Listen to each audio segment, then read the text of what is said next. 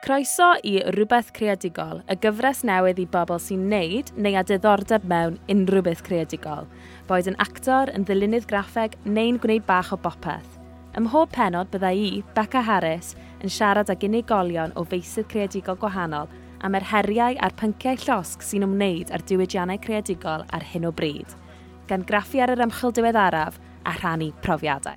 Dwi'n meddwl dyna di'r peth o ran y byd digidol, sut mae digidol yn ystyried anghenion lles a iechyd pobl, a mae hwnna'n mynd i fod yn rhywbeth mawr yn, yn y dyfodol. Yn y benod hon, rydyn ni'n siarad am uwch sgilio digidol gyda Hugh Marshall ac Angharad Evans. Ti'n gwybod beth yw hanner y jobs yma, ti? Ti'n hynny yn 995. Sut mae technolog yn rhaid i go? Amser yn rhaid i go. A mae'n joio swydd gyfer. Ti'n llawrydd? Swn i'n gallu gwneud lwcus bod ti'n lwcus swydd ti? Ein hastanelloedd gwely yw'n swyddfeydd ar gegin ydy lle dyn ni'n mynd am saib a phaned, yn ddiweddar mae sgiliau digidol a'r gallu i weithredu ar-lein wedi troi'n sgil bywyd allweddol gyda gofynion nifer yn swyddi wedi newid yn llwyr. Ydy'r meddalwedd cywir yn bodoli yn Gymraeg? Oes gennym ni'r sgiliau cywir i ddod i'r afel a'r ffordd newydd yma o weithio a byw. I siarad am yr ochr dechnolegol o hynny oll mae Hugh Marshall, sydd â dealltwriaeth eang a llawer o brofiad o weithio yn y dirwedd digidol yma yng Nghymru. Um, mae wedi bod yn gweithio ar weithgaredd digidol gyda S4C ac yn 2012 lansiodd y cyfrif Twitter yr awr Gymraeg sy'n cyrraedd dros miliwn o gyfrifon Twitter eraill. Uh, hefyd yn sgwrsio am ei phrofiadau hithau mae Angharad Evans, cynhyrchydd gyda artist gymuned sy'n ymgysylltu'n greadigol a chymunedau yn y cymoedd. Diolch i chi'ch dau am ymuno. Dwi yma yn fy swyddfa, dim ond fi sy yma, felly mae'n eitha neis. Uh, allwch chi gyflwyno eich hunain yn gloi a chrybwyll o le ydych chi'n ymuno heddiw? Dwi'n dod yn fyw o'r stafell gefn yn fy nhŷ ym Hont y Cymer. Os ydych chi'n clywed y peiriant golchi yn y cefndir, uh, dwi'n rhannu swyddfa efo peiriant golchi ar hyn o bryd. Dwi'n byw yn Pont y Cymer, hen gwm glyfaol tu allan i Cwm Garw. Mae'r tŷ lle dwi'n byw yn perthyn i teulu fy Ngwraig, a dwi'n falch dweud bod y tŷ wreiddiol yn aelwyd Gymraeg yn ôl yn yr um, denawfed ganrif uh, a pedwerydd ganrif o bymtheg, a dyn ni wedi dod y Gymraeg yn ôl yma ar ôl gap o chydig o flynyddoedd. O, oh, neis. Nice. A, a titheng Harad, o le ti'n ymuno? Dwi'n byw ym Pontypridd yn Graig Wen ar bwys y goedwig, ond dwi yn fy stafell wely heddi. So, y ffaith yw bod fi'n yn yr haul, tymod. Mhm. Dwi'n teimlo'r hael ar fy mwyneb a gweld yr holl golygfa o pont y pryd allan o'r, um, o'r ffenest heddi. Lyflu, plus o weithio adre, yeah. gallu rolio allan o'r gwely. um, felly, yn ystod y cyfnod clo, mae treian o bobl wedi cynyddu eu sgiliau digidol a mae'n gyfnod sydd wedi uchelio pwysigrwydd sgiliau digidol yn amlwg er mwyn gweithio ond hefyd byw a goroesi Angharad, all ti esbonio sut ys di ati i wneud hynny a sut mae dy waith di wedi newid? Felly chi'n gallu ddychmygu fel arfer um, mae ni'n artist gymuned allan yn y gymuned yn ar draws Rhondda Cynon Taff a Merthyr yn wyneb i wyneb gyda'r cymuned a o'r dechrau mae ni wedi gweithio gyda'r cyfranogwyr i wneud yn siŵr bod ni'n um, rhoi cymorth i'r cymuned yn ystod yr amser yma, achos mae wedi bod yn anodd, anodd iawn o'r dechrau. A trwy'r sgwrsiau yna, penderfynon ni i mynd ar-lein mor gyntaf a oedd yn bosib i siarad gyda unigolion a gwneud yn siŵr bod pobl yn teimlo'n cyffwrddus i fod ar-lein, achos dwi'n gwybod fi fy hun, mae wedi bod yn ymdaith Felly, wnaethon ni addasu i'r sefyllfa trwy datblygu prosiectau gyda'r cymuned a un ohonyn nhw oedd cartref i gartref a i ddatblygu ffurfiau wahanol i gweithio gyda dawns, gyda canu gyda'n gilydd, tmod, y prosiectau, y gweithdau ar, ar-lein. A mae mwyafrif o pobl wedi bod yn defnyddio Zoom. A i ddechrau oedd Mark Rhi, um, Real a mae fe'n gweithio ar y BBC, oedd wedi cysylltu â fi a gofyn i fi a dweud o ti eisiau siarad mwy am, am defnyddio Zoom os wyn ni heb ddefnyddio Zoom o'r blaen.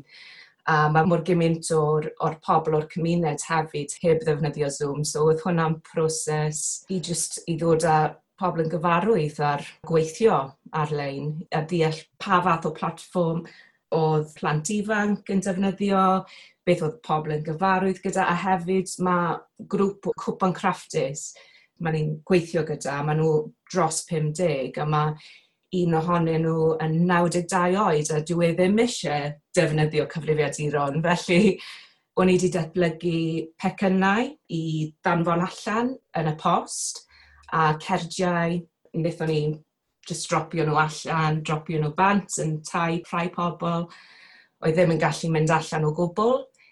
A ie, jyst cysylltu ar, ar, ar y ffôn bob pethefnos gyda nhw i datblygu ffurfiau wahanol i, yeah. i cysylltu gyda'n gilydd fel cymuned.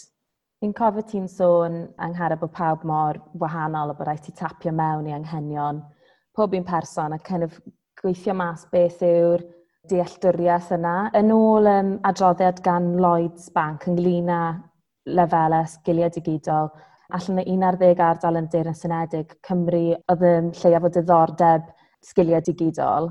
Felly, o'n i'n ansicr pam oedd hynny. Beth yw'r perspektif di o ran hynny hyw, o ran y syniad bod Cymru'n llai na ardaloedd eraill yn y Deyrnas Unedig? Dwi'n meddwl, da ni'n anghofio weithiau. Mae, mae Cymru a rhannau um, o, o Gymru yn, yn glawd. Ti'n gwybod, da ni'n gwybod bod un yn bob tri plentyn yng Nghymru yn, yn byw mewn sefyllfa o dlodi, a mae tlodi yn mynd tu hwnt i tlodi ariannol, ond mae hefyd y, be maen nhw'n galw tlodi digidol.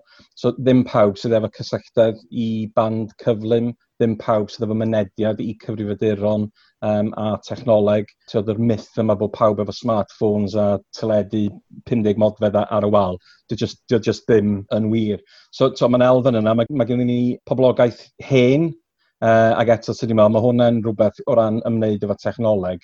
A dwi'n meddwl mae yna, yn anffodus, mae'n ma dod lawr i, i addysg i ryw radd, a mae pobl yn tueddol o fod ofn technoleg. Um, a dwi'n meddwl efallai, dwi'n gwybod, ydy Cymru fwy ofn technoleg am bod ni'n wlad fwy draddodiadol, fwy ceidwadol, uh, twyd, ddim wleidyddol, ond on, twyd, fel, fel pobl. So mae'r ma sefyllfa efo Covid sydd yn mynd i parhau am, am blynyddoedd, sydd meddwl, a fydd na rhywbeth yn digwydd ar ôl Covid hefyd. So mae, mae di amlygu yr angen yma, sut da ni'n cysylltu cymunedau. So ydy un o'r roli eraill dwi'n neud, dwi'n um, ymddirodolwr gyda Tanio sydd yn grŵp cymunedol, celfyddydol, tebyg i artist gymuned, draw yma yn, yn ochr y pen y bont. A, a to, da ni wedi gweld yr her yna, lle oedd lot o'r gweithgareddau'n digwydd wyneb i wyneb. Da ni wedi mynd drosodd i defnyddio pethau fel uh, fel Zoom a Teams a, a gwahanol bethau.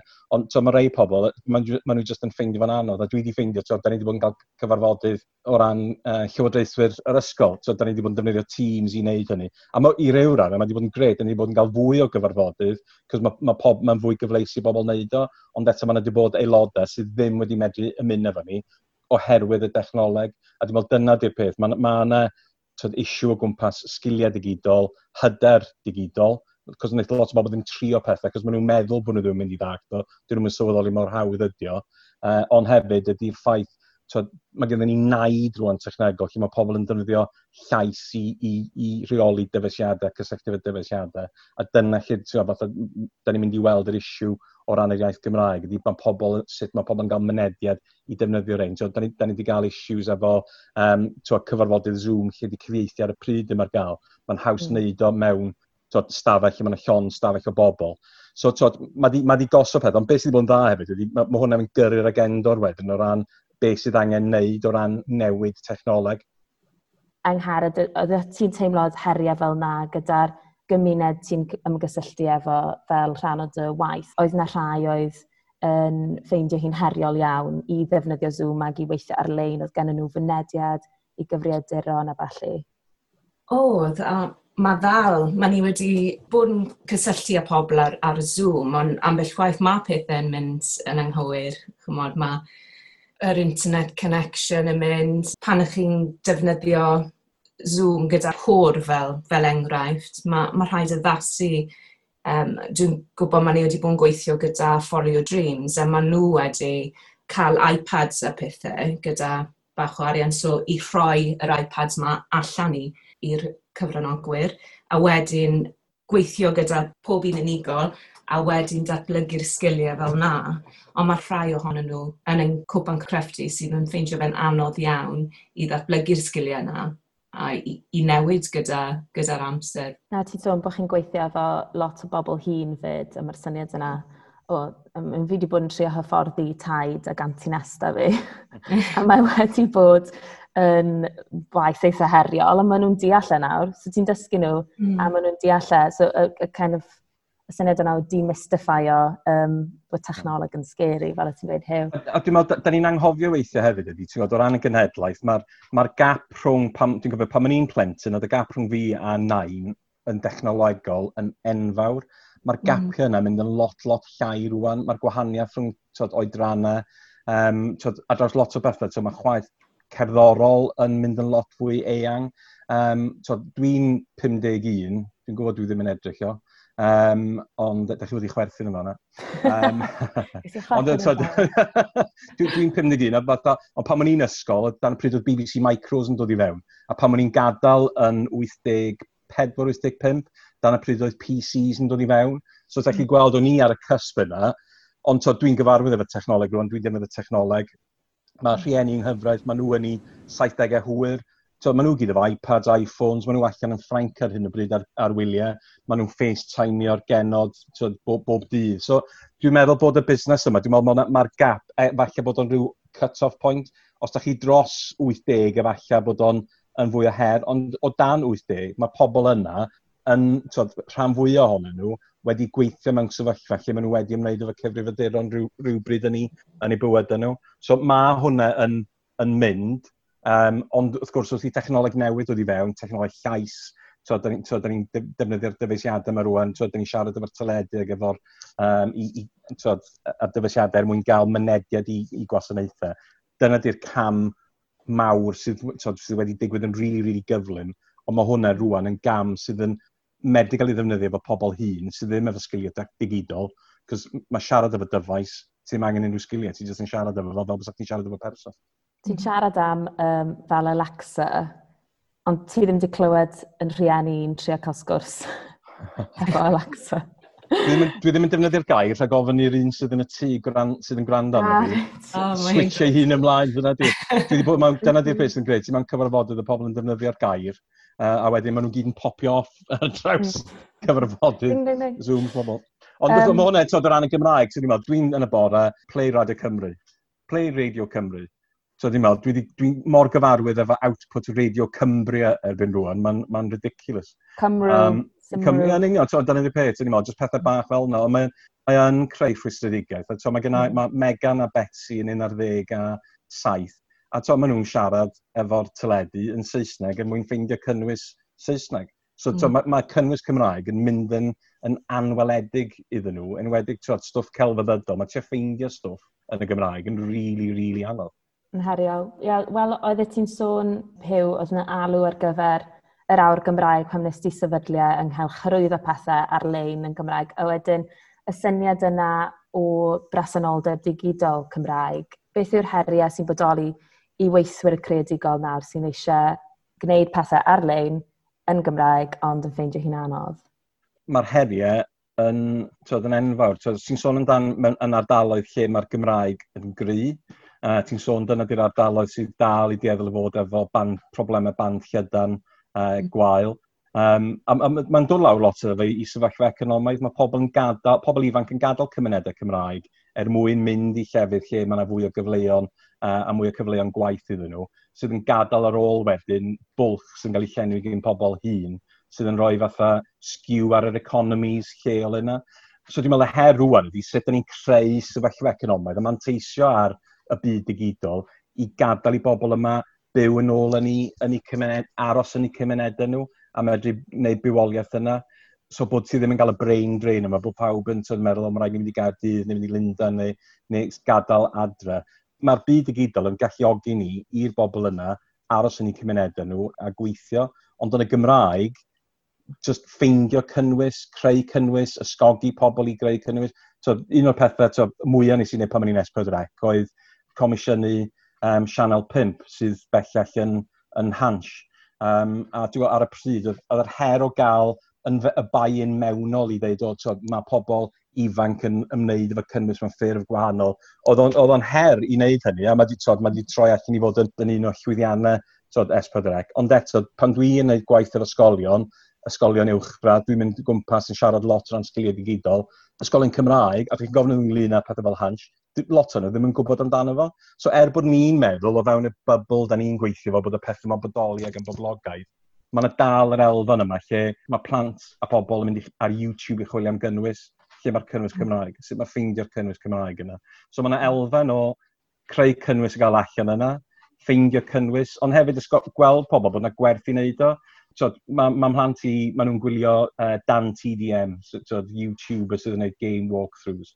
Does yna neb yn gwneud y math yna o gynnwys yn Gymraeg. Yr her ydy, ti'n methu wneud yn Gymraeg, cos does yna ddim yn o gynulleidfa chdi medru wneud o'n tod, commercially viable. So, mae ma rhywun fel Dan TDM yn ennill 10 miliwn y flwyddyn. Ond pan mae mm-hmm. Betsy wedyn sy'n yn saith yn neud i YouTube videos i hun, mae'n hilarious, cos ti'n gweld i'n ffilmio nhw, Hi, my name's Betsy, cos mae hi just yn copio stwff Americanaidd mae hi wedi gweld. So mm. mae'r ma, mm-hmm. ma, her yn, ma, a'r bygythiad yn lot, lot fwy. Dyn nhw ddim just yn neud pethau mewn byd Saesneg. Maen nhw'n ma nhw, ma nhw dilyn y diwylliant Americanaidd yma. A dyna di'r yr her o ran diwylliant a tyd, y celfyddydau, di bod bob dim i'r to ifanc yna, gyd, well, ddim just Saesneg, ond yn so their American lowest common denominator stuff yna. Ie, yeah, mae'n rhyw fath o synwyr yn globaleiddio yn dyfa, yn globaleiddio yn y byd digidol. Yeah. Ond dwi'n un o'r pethau da sydd wedi dod o hwn ydy TikTok. So, mae TikTok Cymraeg yn ffantastig. Mae yna bobl rwan yn creu stwff yn y Gymraeg ar TikTok a mae o'n gael lot fawr o, o sylw. So hwnna dwi'n meddwl i fi, mae TikTok o bosib yn mynd i bod yn un o achub ieithau'r Gymraeg. Cos mae y ffordd maen nhw'n wneud pethau, mae o'n golygu bod cynnwys yn ymddangos yn y feed chi, os da chi'n efo diddordeb yn pethau fel y Gymraeg.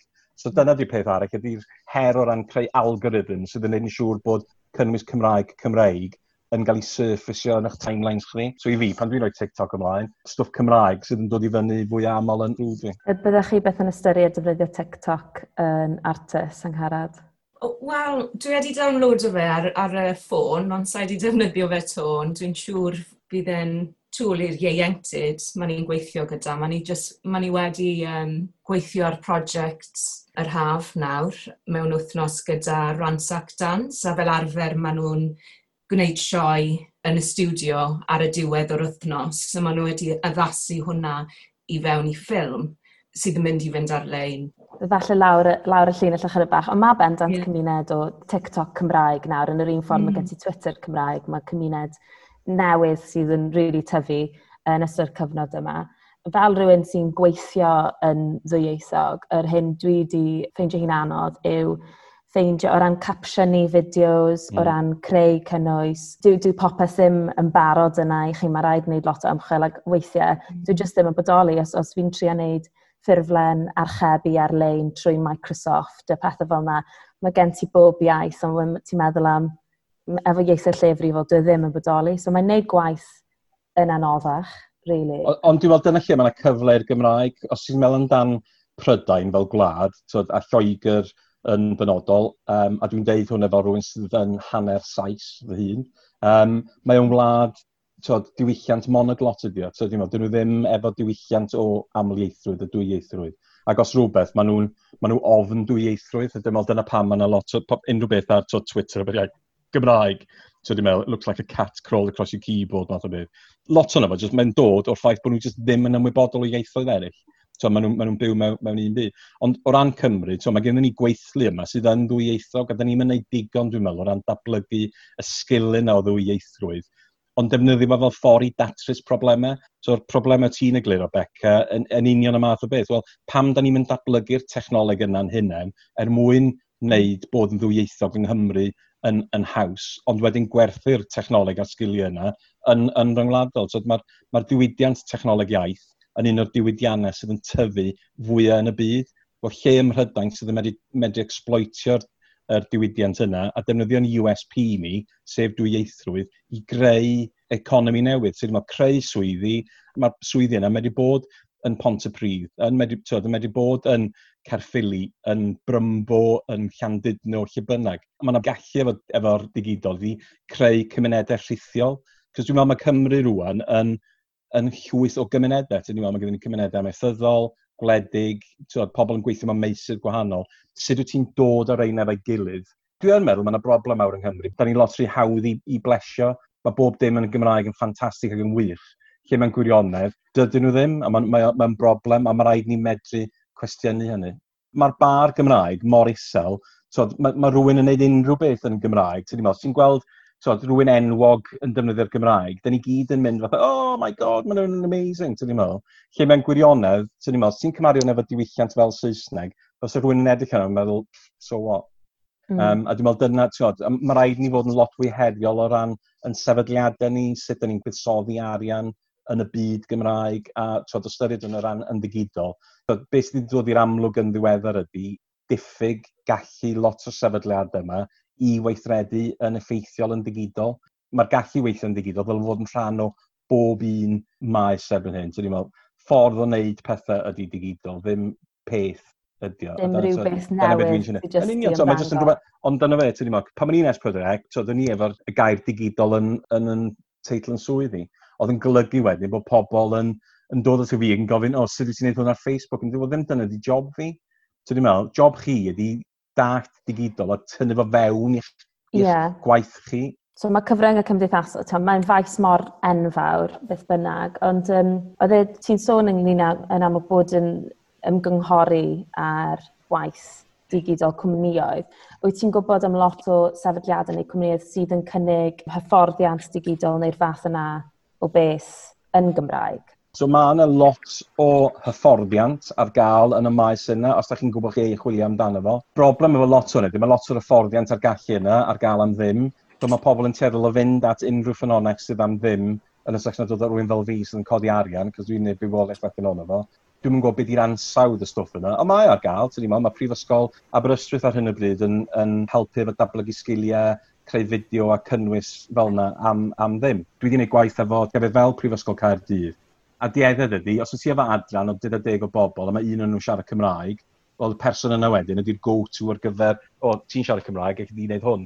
Yn ystod hmm. na meddwl, reit, sut da ni'n dablygu sgiliau Cymraeg y tîm i gyd, um, cos mae'r person yna efo job i wneud amser, tyd, heb sôn am gorfod edrych ar cyfieithiadau a stwff A wedyn, um, angharad, ti hefyd yn sôn bod ti wedi cael ffrind yn helpu ti, um, Mark. Oedde ti'n edrych ar unrhyw hyfforddiant? Ar-lein, mae digwyddiadau wedi bod yn digwydd yn y celfyddydau cyfranogol cipio'r dysgu, celf cymuned, ble mae sefydliadau wedi bod yn dod at ei gilydd jyst i trafod beth mae rhaid i ni wneud yn ystod yr amser yma um, yn digidol. So mae hwnna wedi bod yn, yn helpu fi yn ystod y proses yma. Oedd ma yn just rhoi un i un i fi, really, i ddatblygu'r sgiliau yma i ddod yn fwy gyfarwydd gyda sut i ddefnyddio nhw.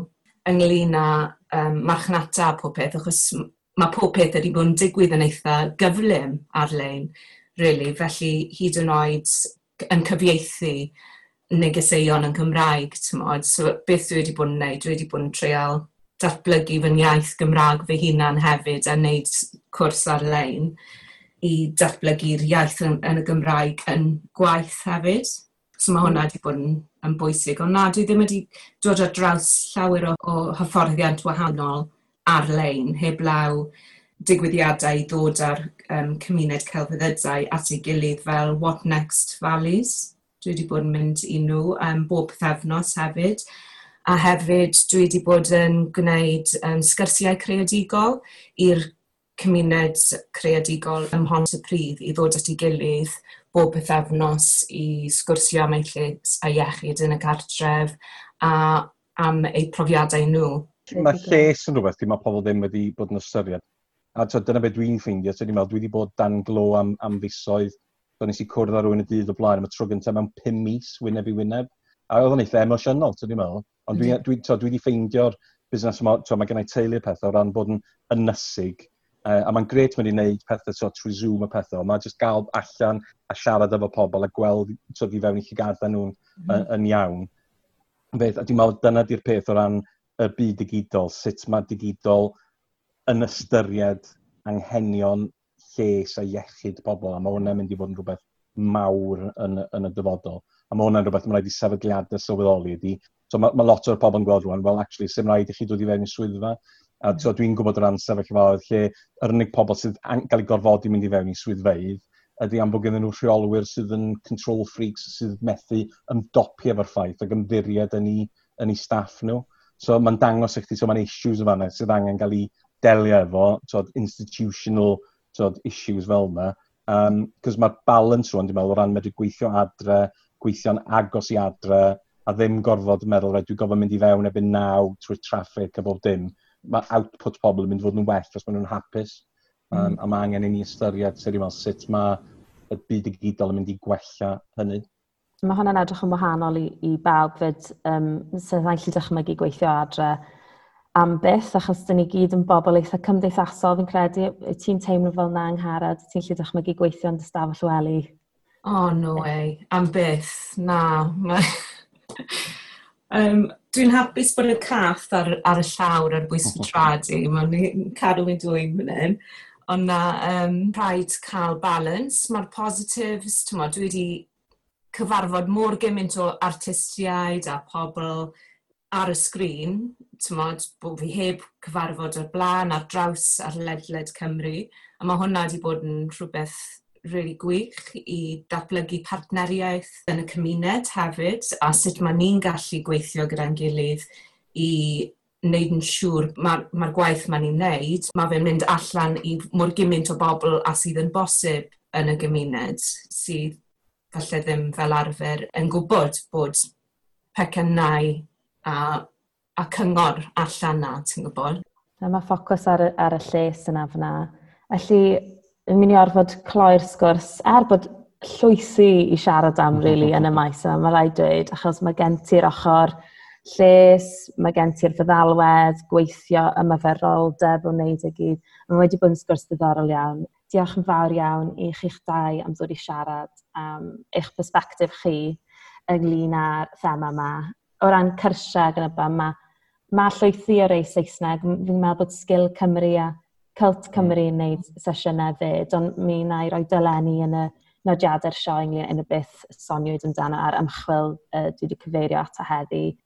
Os ydych chi'n gofyn am unrhyw hyfforddiant digidol fel gwrandawyr yn Gymraeg neu'n Saesneg ynghylch datblygu sgiliau digidol yn y diwydiannau credigol, anfonwch e-bost ato ni neu anfonwch neges i ni ar Twitter Caerdydd Credigol. Um, diolch Angharad a Hew.